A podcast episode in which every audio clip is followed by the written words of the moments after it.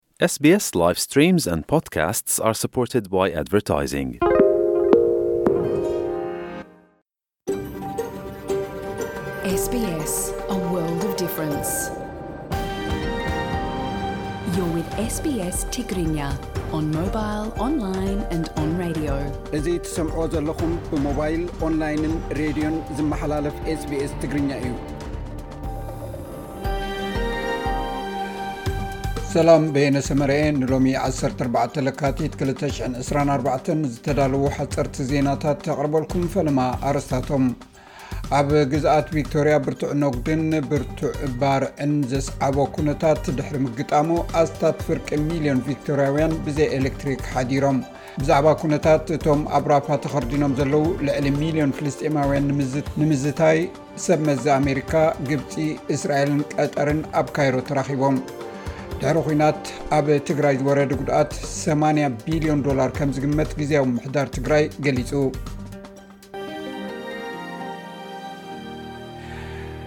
ብሰሉስ ኣብ ግዝኣት ቪክቶርያ ብርቱዕ ነጉድን ብርቱዕ ባርዕን ዘስዓቦ ኩነታት ድሕሪ ምግጣሙ ኣስታት ፍርቂ ሚልዮን ቪክቶርያውያን ብዘይ ኤሌክትሪክ ሓዲሮም። ሚኒስተር ጸዓት ቪክቶርያ ሊሊ ዲኤምብሮስዮ ኣብ ታሪኽ እታ ግዝኣት ካብ ዘጋጠሙ ምቁራጽ ሓይሊ ኤሌክትሪክ እዚ ሓደ ካብ ዝዓበየ ምዃኑ ገሊጻ። ትካል ዕዳጋ ኤነርጂ ኣውስትራልያ ናይ ኤሌክትሪክ መተሓላለፊ መስመር ሓሙሽተ ሚእቲ ኪሎ ቮልት ከም ዘቋረጸን ብዙሓት ጀነሬተራት ድማ ካብቲ ግሪድ ከም ዝተቖርጻን ኣረጋጊጹ። ቤት ፅሕፈት ግብሪ ኣውስትራልያ ብክልተ ቢልዮን ዶላር ናይ ጂኤስቲ ምጥፍፋእ ዝተጠርጠሩ ሰራሕተኛታት ካብ ስራሕ ኣባሪሩ ክሳብ ሚትን ሓምሳን ዝኾኑ ሰራሕተኛታት ቤት ፅሕፈት ግብሪ ኣውስትራልያ ብናይ ማሕበራዊ መራኸቢ ክልተ ቢልዮን ዶላር ምጥፍፋእ ኢድ ኣለዎም ዝተባህሉ እዮም ተባሪሮም ምዚ ብዝተተሓሓዘ ካልኦት ሰባት እውን ገበናዊ መርመራታት ይግበረሎም ከም ዘሎ ተገሊጹ ኣሎ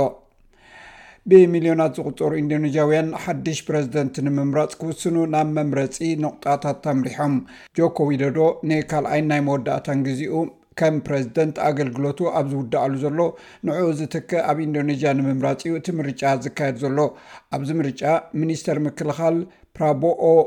ሱብያንቶን ክልተ ኣመሓደርቲ ነበርን ኣኒስ ባስዋዳንን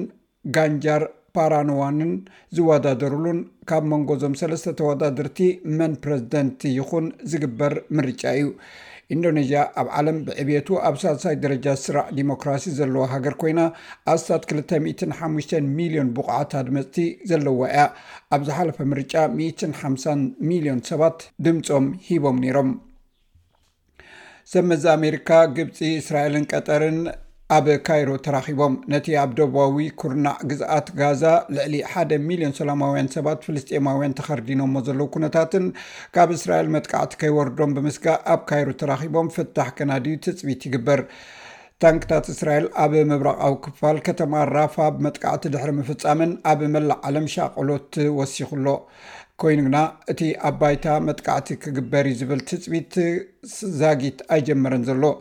ሰራዊት እስራኤል ኣብ ደቡባውን ማእከላይን ወሽመጥ ቓዛ ኣብ ዝሓለፉ 24 ሰዓታት ኣብ ካንዩኒስ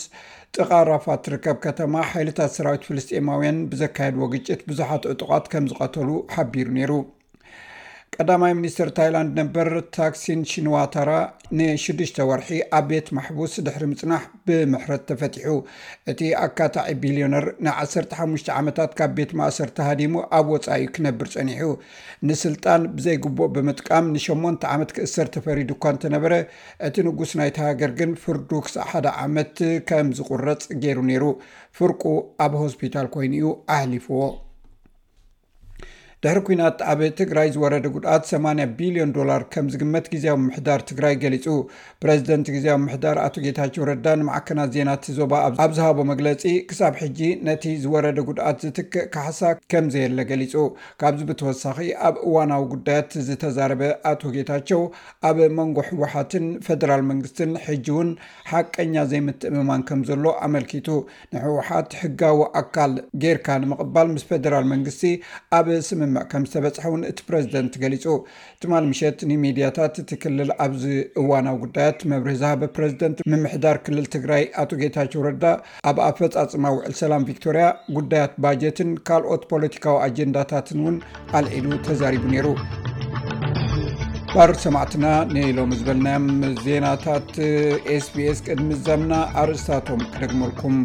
ኣብ ግዛኣት ቪክቶርያ ብርቱዕ ነጉድን ብርቱዕ ባርዕን ዘስዓቦ ኩነታት ድሕሪ ምግጣሙ ኣስታት ፍርቂ ሚልዮን ቪክቶርያውያን ብዘይ ኤሌክትሪክ ሓዲሮም ብዛዕባ ኩነታት እቶም ኣብ ራፋ ተኸርዲኖም ዘለዉ ልዕሊ ሚልዮን ፍልስጢማውያን ንምዝታይ